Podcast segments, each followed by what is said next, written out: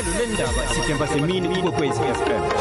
lethulelwe i-SABC News SABC News isijamele ayithatha ihlangothi ayithatha ihlangothi ayithatha ihlangothi Safika ngakithi ke simukeza indimeni nje sikumisa ihlelo laba ngendaba sidemba zemini sithokoze kunokuthula mthweni nomthombothi ukusikhambela phambili ngamahlelo emhathweni kwekwezi FM kukhanya ba ihlelo livezelwa nguBenjamin Sotetsi umvezi wethu westechnicisi khamsana notukulugo maitsapo lami bizo ngingizolothi masango sokwenzelela ihlelo ngokuqala izehlekalo ezilapha ngaphandle eholweni lapha eCape Town la kulindeleke khona ukuthi amalunga wendlu yesibethamthetho abe nenkulumo pendulwano inkulumo phikiswano ngemva kwalokho kuvotelwe ukuthi umbiko we bandla lela ebekade liyoqala ukuthi khani ngokomthetho sisekelo kunala umengameli afanele aziphendulele khona ngobelelesi obenzeka eplasini lakhe lephalaphala ngemva kwalokho sokuchinga lapha kumasipala wethembisile umasipala wangekhethu wenkangala unejima la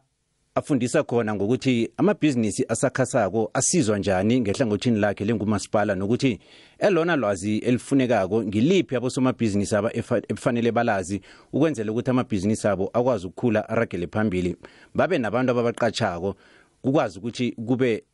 nokwenzekako ehlangothini lomnotho kodwana ngaphambi kokuthi sithingekizo sithome ngazo zona lezi zepalamende la umkhulumeli wepalamende umloto muthapho avezile ukuthi iphalamende ikulungele ukwamukela amalunga amakhulu amane wendlu yesiphethamthetho ukuthi namhlanje bazokuba nenkulumo-mpikiswano kuthi ngemva kwalokho bese kuyavotwa kuvotelwe ukuthi umbiko lo kungayiwa ngawo phambili nofana njani kanti nangaphandle lapha kunezehlakalo ezenzakalako kufaka nehlangano ebusako lapha bayachagala kuchagala nezinhlangano ezingaweli ngaphasi kombuso mbiki indaba ku-sabc news ubenjamin sodesi uyasendlalela-ke embikweni akhe ngalokho okwenzeka lapha ngaphandle eholweni ngaphambi kokuthi amalunga wepalamende athome umsebenzi awo abaholi abahlukeneko benhlangano zepolitiki sele bafikile epalamende ukuzokungangisana bebavowudele ukwamukela nofana ukuwuraha umbiko owumayelana neplasi likamengameli iphalaphala umzwandile mnyonso unguwe pac i'm voting for parliament this is a parliamentary process and this process is going to give the president an opportunity to come up with, this, with his side of the story omunye wamalunga wepalamende we-anc usupra mahumapelo uthi yena uyovota kuya ngehlizwa yakhe the leadership of the ANC at a national senior level must sit down with the president and help the president to exit from his position of presidency now that is beyond voting here and so on, right that is much bigger issue I'm not voting. I will never vote with the opposite. That I will never do. I African National as as a member of the ANC. Umfundisi Meshwe unguwe ACDP uthi amalunga wehlangano yakhe azwene ukuthi ayovotela ukwamukelwa kombiko lowo so firstly we trust them and we know that they've done an excellent job and because they did a good job the acdp is going to support their report because the president definitely has many questions to answer. He has to answer. Otherwise, people are speculating. Well, fortunately, uh, our MPs believe in truth. Our MPs believe in transparency. They believe in accountability. So we said the president must be held accountable. Ilunga leANC eliqothiweko uCarl News uthi amapholisa ayamkhandela ukungena eParliament ukuzokuchagala In fact, I am due to be a delegate at that conference since my membership is now back instated, since I have lodged that appeal. I intend to attend that conference as a delegate of the ANC, calling for Cyril Ramaphosa to be removed as president of the ANC and subsequently also as president of the country. uhanif hendricks ungumholi we ukuthi ihlangano yakhe iyovotela ukuphikisana nombiko lo uthi into abayikhulumako embikweni lo awunabo ubufakazi if president ramaphosa uh, is nominated uh, as the president, then uh, I feel it's the right time to have this debate and uh, to follow the procedures of parliament. So parliament also sometimes have to be pragmatic and we feel that the speaker was too, too hasty uh, because the 13 political parties in parliament are not branches of the ANC. Al Jamaa feels that we don't accept the allegations. However, we are very concerned that the African National Congress is trying to stifle the process of parliament.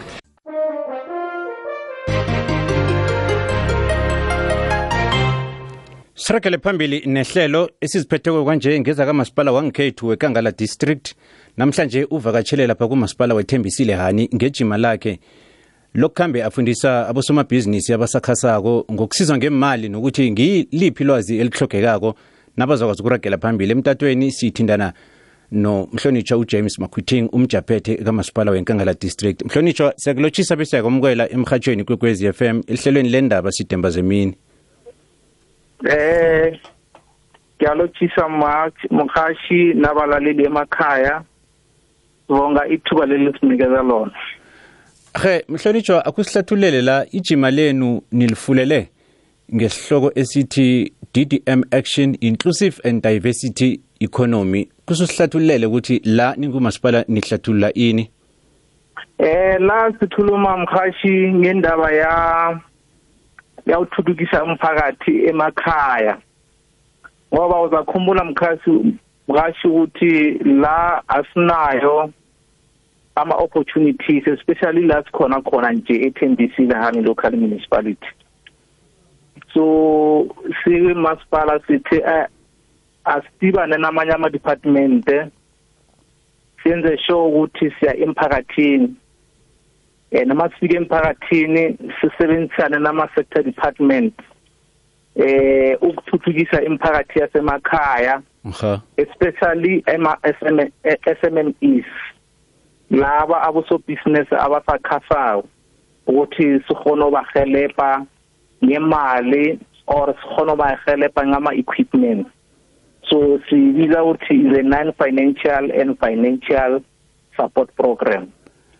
manje-ke namhlanje nilapha eholweni yekwaha fontain ijima lenweli kunala khona niveza indaba yokuthi kunokungalingani ekufikiseni kwelwazi la nithi khona inadequate dissemination of relevant information for support of SMMEs nifunyana ukuthi la kuthlayela khona ilwazi elifanele linikele leli hlobo leli labo somabhizinisi kuhle kuhle ngikuphi lokho ebanikelwa khona kuhle kuhle ngikuphi efanele banikelwe khona ukuthi bakwazi ukuthi ningumasipala nekhona ukubasiza nibamisane neminye iminyango yombuso akhe sithome ngokuthi ngikuphi lokho kubalahlekisako ehlangothini lokuthi banikelwa ilwazi ekungasilo Eh mkhathi uzakhumbula ukuthi i-information is power. Aha. And then makune information ungayenza yonke into efanelekile emhlabeni. But I just want to give you one example. Last khona khona manje as we speak. Eh sine i-department ya DTI and then i-DTI bane program ya yawu-assista ama-SMMEs nge-funding and then that funding they fund up to 700,000 as they present because as municipality we must coordinate this information ukuze abantu basekhaya bayithole engcono so bathi kule 700,000 funding empumalanga akuna any person who applied azange abathole ama application from eMpumalanga as a whole angikhulumi ngenkangala angikhulumi ngethembisile but eMpumalanga as a province mm. and they said this grant bawunikeza yona you don't have to pay it back bawupha yona wena ubanikeza i-business idea yakho and they are saying abantu basekhaya abaningi abafoni uthola imali because of ama business plan abafoni wayenza ama business plan lo le funding le ayifuni i business plan what they do they give you an application form eh ubani wakabani uhlala kuphi i business idea yakho ufuna uyenzani i target market yakho ikuphi ufuna malini then from there based on your business idea bawunikeza imali e le yana 700,000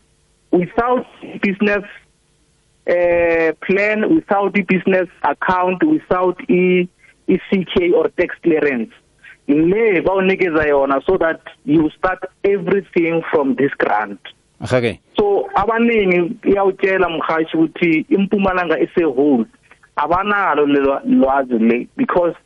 if bebanalo bebazoyenza sure ukuthi baya apply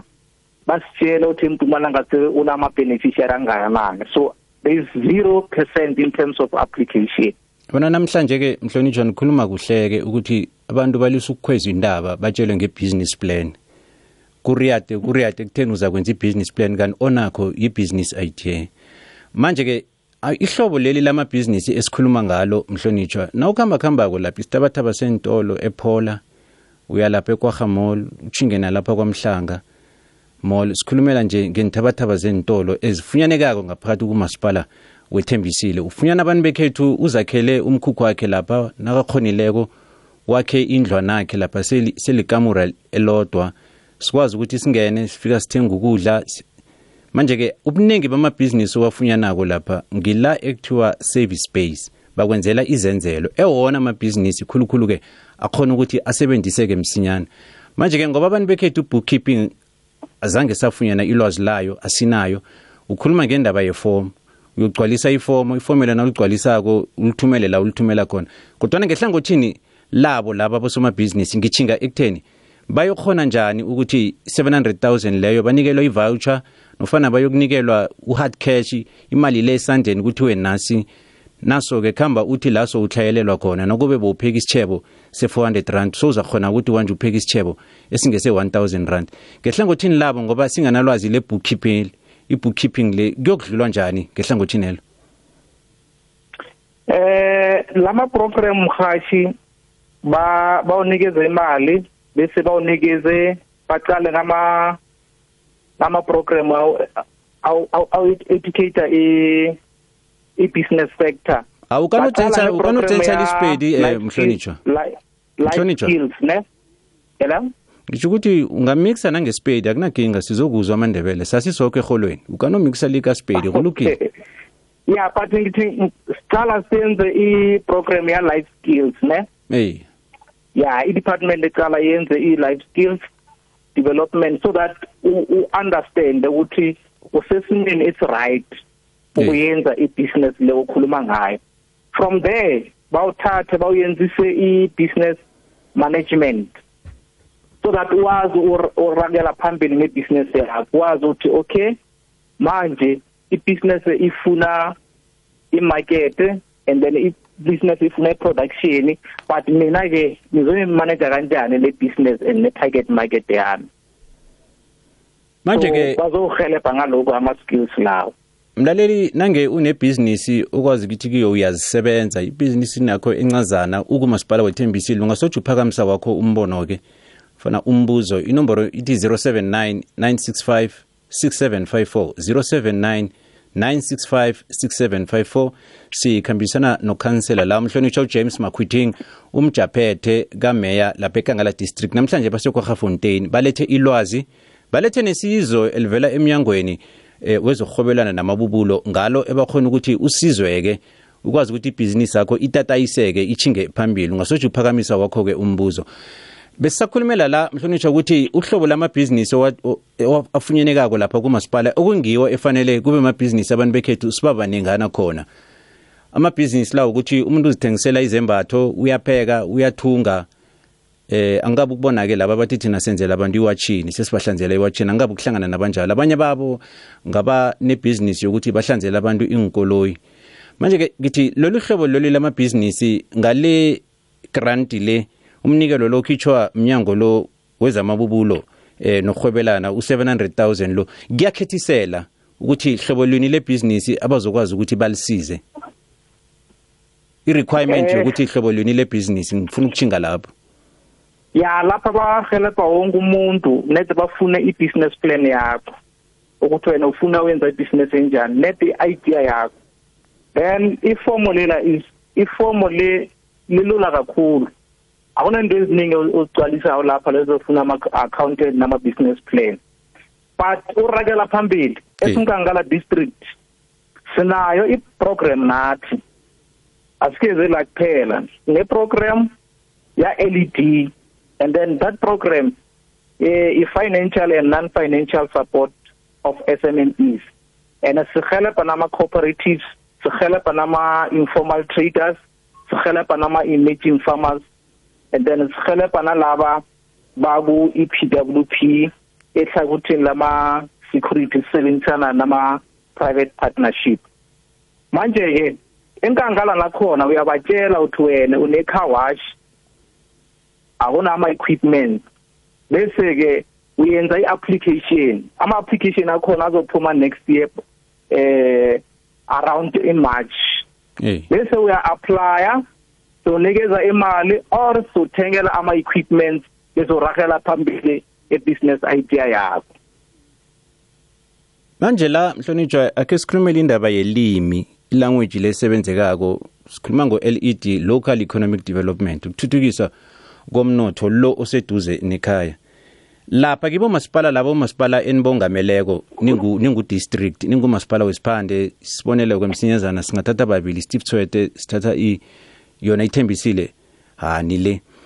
ngapha ngaphakathi kwabo masipala lapha ngoba nabo kunomnyango ebathiwa ngewe LED nawuthi uqala isabelo sabo semali ibudget yabo ku financial statement sabo bakhulume ukuthi uLED simnikela 1 million nasikhipha 1 million siyifaka ngaphakathi kwe-local economic development singumasipala wethembisile hani nawuthi uyaqala ngokwe-census yaka-2011 ebuyelelweko lapha iyavezwa ngo-2016 ukuthi ethembisile hani ubuningi babantu bangu-333 331 nawuqala lesi isibalo lesi sobuningi babantu ipopulation manje-ke lapha ku-local municipality nabafaka ngaphakathi komnyango we-local economic development u-1 million rand siyokuhlala silila mhlonishwa asikazi ukuba neragelo phambili nasikhona ukuthi loya mnyango siwabele i-1 million rand kodwana nawuthi uyaqala ezinye izinto ezabelwako itiye itiye inikelwe aboma-30 million rand eh siyathokoza eh mhashi nabalaleli emakhaya eh uzakhumbula ukuthi ingangala district uqinisile inama local municipalities ayi6 and mawabheka wonke lawa ayi6 uzothola ukuthi iDr JS Moroka local municipality nethembisile hani local municipality ama rural municipalities la abantu basemakhaya bangasebenzi ngokuningi and eh, bangasebenzi ngokuningi abakhona ukubhadela ama services kamasipala and then umasipala awufoni ugenerate uh, i-income njengamanye ama-municipalities like kusitsheshe so therefore kungakho sithi a-e eh, asithathe lama-government department and private sector sibalethe la ekhaya so that i-community khona uba ne-access yala bantu njengoba ngikhuluma nawe nje sinayo i-n y d a nayo i-national empowerment fund nayo i-sita nayo imega and many other private sectors laba khona namhlanje la so that abantu basemakhaya bathole information ukuthi bangancedakala kuphi ngaphandle kwemasipala wekhaya ngoba umasipala wala ekhaya ethembisile usesemasipala ongafoni ukuzicamela ngowakho ngoba udependa kakhulu kuma-grant so kuna kungakho nathi sibahelebha because i program le masizoyikhipha around imarch sizofuna bonke abantu abaphulaya babuye ethembisile Moroka and other municipalities so that sikezelele i-development kulabo masipala abalocal sibahelebhise um eh, mhashi lamhlonitshwa sisokuchidela kutheni sophakamisa abazaba nembuzo noma imfakela lapha enomborweni yethu ye-whatsapp akhe siphosa amehlo kudanyana kodwana ibe ukuthi silinga ukufunda singenza isibonelo indawo ye-wuhan echina la kwavela khona umgomani we-covid nawuthi uyayiqala ifana patsi nemarabastata yekhaya apha epitori kuyagatangwana lapho kuyagatangwana umuntu uthengisa ihlambi esele ibuleweko yahlinzelwa futhi umunye uthengisa ikukhu ngapha umunye uthengisa ikomo umunye uthengisani ewuhan ngikho ubuningi babantu bachinga ewuhan kangaka ephasini zombelele ngoba umnotho walapha mnotho othi nguphethe nje thenga ngikwazi ukuthi ngikunikele ngikunikela khona nawe unginikele imali naphezulu ukuthi ihlangothini elinye bakhiqiza inkoloyi banekhama nofacturing manje ke akuthathe ngithi sifuna ukuhlomisa sifuna ukuhlomisa bomasipala aba abawela ngaphasi kumasipala wedistrict akhe sithathe njengerenke yamateksi lapha kwamhlanga irenke leya kunabantu ababuya ebinoni nabantu ababuya epitori kunabantu ababuya embombela e kani bayini singathwalisa umasipala lo sithi nomasipala wethembisile hani yenza imakethe yenza i-marketplace khonapha e-, e-, erenkeni engeyakwamhlanga kugadangawane lapha ngehlangothini lezomnotho umuntu akwazi ukuthenga ukuthenga ngobuduze abangene ngaphakathi kwesikholo sakhe sibakhele amastalikish la ngazi ngwabiza kuhle na umuntu laza afike khona angene ingeka masipala ntambama nakatshayisako bowuyalodlela uyakhiya njalo sakhe indawo enjalo eyimakethe singeze sayisa kude nisithi la abantu bahlika khona bebakhwela siyenze njalo ngoba i-wuhan leya nayo bayenze njalo bathi la kufikela khona abantu abeze ngabofly abanye babo nabathi bayafika bazokhwela engikhweleni sebabanikela ibhizinisi ibhizinisi nasiseduza umuntu ukhonile ukuthi ikukhu ayihlabe wayihluba wenza konke seyiphekiwe umuntu uyakwazi ukuyithenga adle nasuka lapha angene ngesikhwelweni sakhe utshinga la atshinga khona umnotho lo olethwa irenke efana nalapha enthabathabeni zentolo kwamhlanga mhlonitsho ngiya ekutheni kuba yini singakhona ukuthi sithwalise umasipala lo simfonele i-funding bese wakha imakethe lapha ezokwazi ukuthi size abantu abakhwelako abaphumako nabangenako kuleya renke leya khani sikhuluma ngento ekude khulu ngeke sakhona ukuyenza enjalo eh sathokoza mhashi i think lapha ukhuluma nge-idea i-idea yakho ihle kakhulu eh ifuna sibambisane as umphakathi nalabo abasebenza khona lapha emarenkeng so that sikhona uvesa siba assiste njengoba usho umhashi so that ama-business wabo lapha i-target market yabo ibe sustainable and nabo babe baveze ugovernment ukuthi yini ebakayenza lapha ama-business so that those people mabafika lapha bakhona ukubahelepha bakhona ukuba-assista and then i-business yabo ikhona ukuhamba so njengoba sithi next year march kuzoba nama application nabo siyabamema ukuthi basinikeze ama ideas njengoba usho ema ranking nama four way stop ukuthi bangayenza ibusiness enjani ba apply and then so masipala sikhona bahelebha ngama equipments and then u economy yala ekhaya ihona urakela phambili mhashi Akhake imzuzu bamasomo amabili nobunane ngaphambi kwe-hour lesibili 28 minutes to 2 sikhambisana nomjaphethe kameya inkangala district umhlonitshwa uJames Makwithing balapha eKogafontein eholweni bazokusiza bosomabhizinisi abasakhasako la sebaveze khona ukuthi umnyango wokuhwebelana namabubulo eSouth Africa ba uyakhona ukuthi ukunikele iforum seliforum unikelwa lona lokho nikelwa khona kumnikelo kusimali yokubolekwa ungisoma business na ukhona ukuqinisekisa ukuthi nangembala ngisoma business osakhasako bakunikele u700000 rand ozokhona ngayo ukuthi uyokutatayisa iragele phambili ibhizinisi yakho akhe sokutshinga ke ku-whatsapp kilokhu okuphakamisako mhlambe ke khudlwana okuhambelana nalokhu esikhulumela kikho inomboro 079 965 6754 uzasusibambele njalo mhlonitshwa nange ukhonile ukuvezwa siza kuzwa ngawe la kusalele khona siza kukhumbuza ke ke sithinge kubalaleli enomborweni ye-whatsapp siyakwamukela mlaleli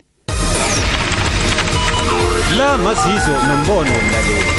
ikwekwezi fm ne-sabc news azikazikhosa ukuziphendulela ngalokhu i-sabc news izijamele ayithatha ihlangothi tata mkhathi kuvuso sengimasemola ngilayite fatini emajini yabona into eyenziwe i-anc futhi nje mina ngendlela engibona ngayo ngibona ngathi ubugebengu obu ngoku umuntu safuna uncwadi uncwadi uncwadi uncwadi nje abanye abanye bayatoyitoya ngaphandle batoyitoyela for ini ine ikulu into efihlwa lapha nje ngoku umsouth africa kube uyazi ukuthi singavotela yiphi ihlangano ethembisako engasihelebha ensina ungiyeyo nawo ayisi akwande mna kwethu mina ngizwa lezi kamongameli uramaphosa mina ngithi urehekhulu bayamalaya uramaphosa into ayenzako ngobusisiwe mkhwebane wamsaspenda kubuhlungu nje izinto zijikile akacalane nazo akacalane nazo ene nowungazi ipolitika ngekho wazwisisa uramaphosa icala unalo vele ukuthi imali ngeyakhe or ini unalo icala angupresidenti athule nendabakazengaka unguso mhashi yeshe inkangala district municipality le kanti kutheni iza kubamba amahlelo okuthuthukiswa kwamabhesi ahedi abantu balala bajamile amazulu ayana abanye kade bagcina ukuba namanzi sekuzindlela zokuthi badle imali kuphela uze bathi ihlelo labelo lithethe 3 million ngelangeliyi-one hawa ngaphezulu ngithemba masimulo ngakwa-shakes ngiyathokoza solothi ninjani baba hayi zolotiyasi ngiyayibona into le yakaramaphosa ibuhlungu and akayindawo kamari bazibethanisa amabhati la amanye zolothi mathi uhlagelani ichegu labantwini hawa madoda isono khe bamzwele mar okusalako angitsho unaye unemali akhe akayindawo akakenzi next ngiyathokoza zolothi ngumngejane estrikfanteni kadlawulaleko badina bhayi zolothi ahake kubonakala obuningi kungene lokhu abalaleli bebakhulumela phezu kwakho okumayelana nokwenzeka epalamende namhlanje kodwana-ke mhlonitshwa kunye okuvezwa mlaleli la engibona-ko ukuthi kuyakuhambisana nendaba le yamabhizinisi ukuthi izenzelo nazingekho isevisi nayingekho manje-ke ibhizinisi lakho noma linganikelwa imali liyokwazi ukuthi likhambe njani kodwana-ke nanikhuluma nabo lapha ekwahafontein nangenikhonileko ukuthi khona esele nikhulume nabo amabhizinisi abo la akhona kufika kangangani ukuthi nezenzelo zikhona ngoba ngingakubekela isibonelo abalapha ePola ePola Mall ubuningi babo nabafanele bazopheka ingolovani kuchunduva ingolovani balanda amanzi abazokwazi ukuthi bawasebenzisele ukupheka lapha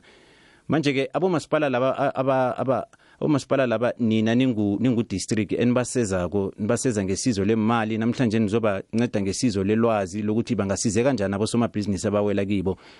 niyabulala ubuthongo na ngezenzelo iservice engazukuphazamisa amabhizinisi Eh ngiyathokoza eh mkhashi nabalaleli emakhaya. Ngicabanga ukuthi ifuna sibambisane mkhashi le ndaba. Hey. Because igovernment yenze okuningi. But ama challenges asekhona maningi na. And siyavuma si government because umphakathi wasekhaya la sikhala khona si ama villages maningi ayakhula. So la besikhona khona ekwaha sinabo laba seba-invayitile ukuthi beze bazokhuluma bona self ukuthi since sebafunda amabhizinesi wabo aqhuba njani so bakhona laba bebakhuluma ukuthi bona bathole i-business i-business yabo beyingana eh i-backup yamanzi ene babatshala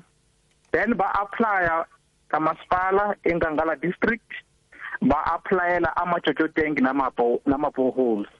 then umasipala bebathokoza ukuthi ukhona obahelebha ubayenzela ama-bohole babaceda wenza ama-bohole babayenzela ama-jojo tank la ubhizinesi isebenzela khona so uthi namhlanje masikhuluma naye uthi une-contract ne-pick and pay usupplyer ispinach so uyabona ukuthi ubambisana nathi nabo umphakathi uyasihelebha kakhulu because if yasitshela ukuthi la khona khona inkinga yakhe amanzi uyafona waplela ama-borehole nama-jojo tank bese umasipala umhelebhe ibhizinesi eragele phambili re silinga ukufunyana ukuthi sesinabo abangakwazi ukuthi bakhulumele kilokhu esikhulumela kikho ngoba sijideze umasipala wesiphande senkangala la sifunyene khona ukuthi uvakatshele lapha ekwaha eholweni ukuzosiza abosomabhizinisi abasakhasako banikela ilwazi kanti nangehlangothini lakhe umasipala uzokuba nemali ayilethako akhe sikhulume ngalomhlobo wamabhizinisi mhlonitshwa lapha kumasipala wethembisile engiwubonako ukuthi uyakhula nebhizinisi ikhona abo-bed and breakfast labo khani kunjani abasizwa ngemali mhlambe ibhizinisi ethanda ukuthi seyiphezulu khulu akhibona ngathi kukhona abalaleli esele baphakamisako lapha sithinge kibo mhlonitshwa ngibaba usibambele njalo mhlonitshwa ke sibachideze lapha enomborweni ye-whatsapp la mazizo nombono mlaleli ikwekwezi fm ne-sabc news azikazikhosa ukuziphendulela ngalokhu i-sabc news izijamele ayithatha ihlangothi um eh, babazolwethu sanibonani njani eh khulumana uVincent Joybank eh sacela umhlonishwa lo asishela ama numbers sokhona uxhumana nehofisi lakhe Sakubona msakathi ya ngiva mhlonishwa ukhuluma ngokuthi impumalanga yonke akekho umuntu oapplyele le grant umuntu lenqila kubuta mina ukuthi labo masipala bonke laba bakhona la empumalanga na ufika kamasipala ufuna liphi i-office ubatshela uzofuna liphi i-office la utawufike u-aplaye khona uthole le application form khona eh neligama lale grant libitwa ngokuthi yini ihlelo lakhona yini specific libitwa ngokuthi yini ngilumina silukhele ngidawulalela emsakatweni njani manizoroti mina ngibaba ungibuzele eh, ekusithekeli sakho ne umama mahlangu ukhuluma mina angeke ngizwe kuhle la ithoma khona ni mara no lapha ngizwe khona ngazi ukuthi bathi bavusa mhlawumbe abantu abafuna abanamabhizinisi amancane so abane-business plan angazi ukuthi ukhuluma ngengangani nge mina ngi mina ngimuntu othanda ukuthengisa so impahla mhlambe ngiyokustoka bese ngiyathengisa thengisa mara le business le ngiyayibona ukuthi into engiyifunayo and ngibona yinto engangivusa noma nini njalo njalo nje manje ikinga yami ukuthi angazi ukuthi ngide ngithome njani and ngiyenzele kuphi ngoba anginayo nje imali leyo yokuthi ngithome ibhizinisi ukuthi ngilenze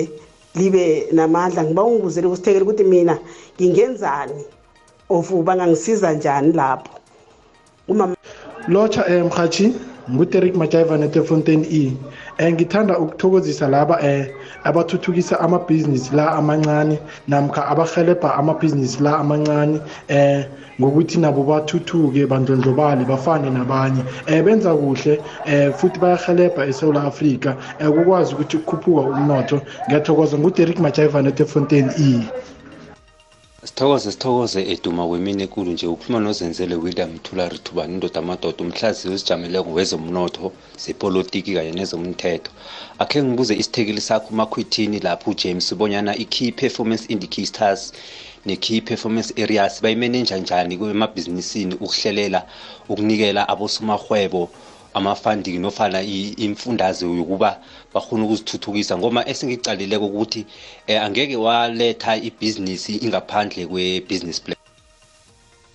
Okay mhlonitshwa sirakele phambili sibaphendule la uzwe khona ungarakela phambili uphendule sakukhumbuza ke la kusalele khona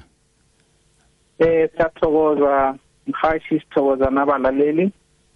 Eh ithi ngicale ngikhulume nge ngendaba yama contact number wethu ukuthi i-contact number yethu uma ufuna udibana nathi enkangala district municipality i-zero one three two four nine two zero zero zero asiyibuyelele oh, mhlonitsha ya o oh, one three two hmm. four nine two two triple zero so i-grant le bengikhuluma ngayo le njengoba ngitshela ukuthi we are working with the government department ibuya kwa DTI and then eh, i i grant le bayibiza uthi i grant le ifanele incede abantu basemaplasini nalaba bathala emakhaya ayitholakali edropini le grant kungakho baze la emakhaya esgisho uthi Dr JS Mroka enthembisile imasipala le isemakhaya kakhulu so yona mawufuna uapplyela kule grant inomoro yakhona is 012 394 394 1279 1279 ubaba lo uzomthola lapha ubaba umthweni oh. then wena mawuqeda ufona lapha 012 ubaba umthweni unikela iapplication iform futhi neapplication iform le form inama question ukuthi ubani uhlala kuphi ufuna uyenza ibusiness enjani itarget yakho ikuphi ufuna ibudget yamalini bese from there bawunikeza imali leyo izonela ibusiness yakho not to say bazonikeza 700000 if ibusiness yakho ifika kuma 500000 in terms of i-idea lezo babatshele ngayo bazonikeza imali kuya nge ngeprogram ya business yakho hey ubaba umthweni lo uzofanele ke simchideze ngesingaye azokwazi ukuthi ayihladlule ngokunabileko njengoba namhlanje nokho nihonile emhlonitsha nayichideza manje ke akhe sikhulumele kulomlalelo othe nakune business idea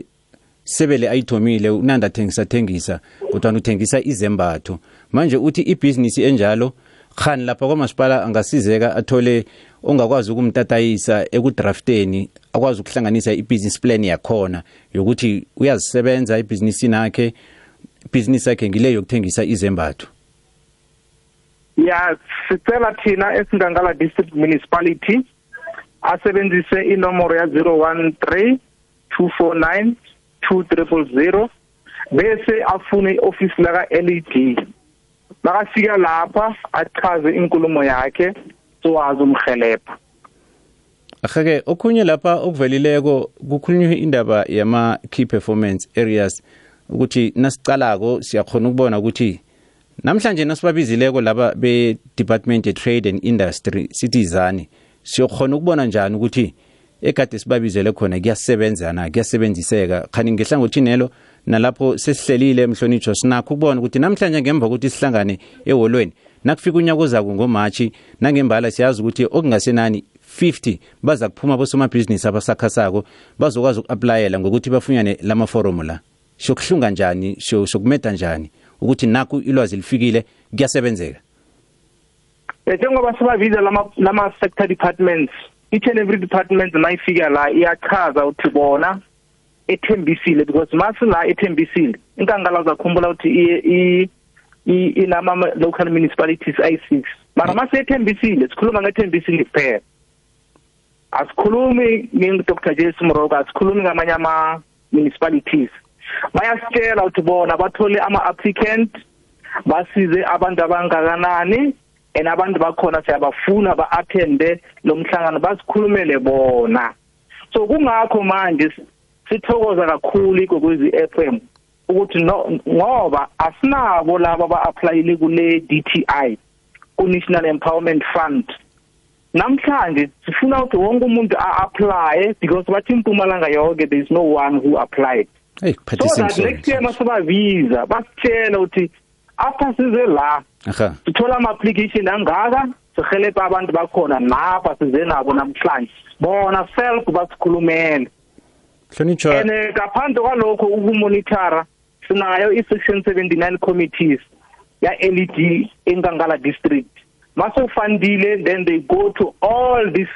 uh, eh, SMMEs bayenza bacheka ama-challenges babahelebhe sibona ukuthi ibhizinesi ichubekela irakela phambili hake mhlonitshwa ngokwesikhathi-ke ihleli lethu liphelelwe isikhathi sithokoze khulu ukusikima kwenu nalokho abese sinisikimisa nje ukuthi anizokufikisa ilwazeli ngamandla womhatsho nasikima-ke sithokoze khulu sizayakhela umkhanyo nathi neno ngapha nizakwazi ukuthi nibuye godi nizokuhlahlula ukuya phambili sekufika unyaka ozako-ke ngenyanga kantaka umatshi sithokoze khulu mhlonitshwa sithokoze igogwezi f m kakhulu ngoba ngaphandle wena ngeke siwazi ufikelela umphakathi emakhaya ahake kunjalo umjaphethe kameyara kumasipala wenkangala district councillor James Makwithing inomboro leya la uzofunyana khona unumzane umthweni lapha emnyangweni wezokuhwebelana namabubulo 012 code yepitori 394 1279 394 1279 lapha kumasipala wenkangala district 013 249 2 abo 0 abathathu 249 2000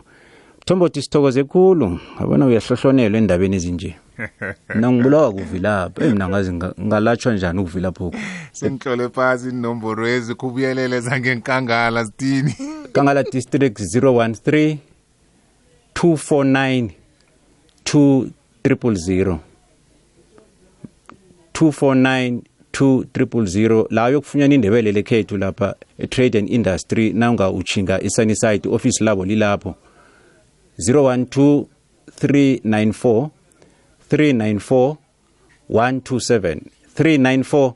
127 abantu bekhethu babefunyana igrant iye 700000 uh manje ngenza ngenza indawo ehlangana kanje ukuthengisa ukudla uh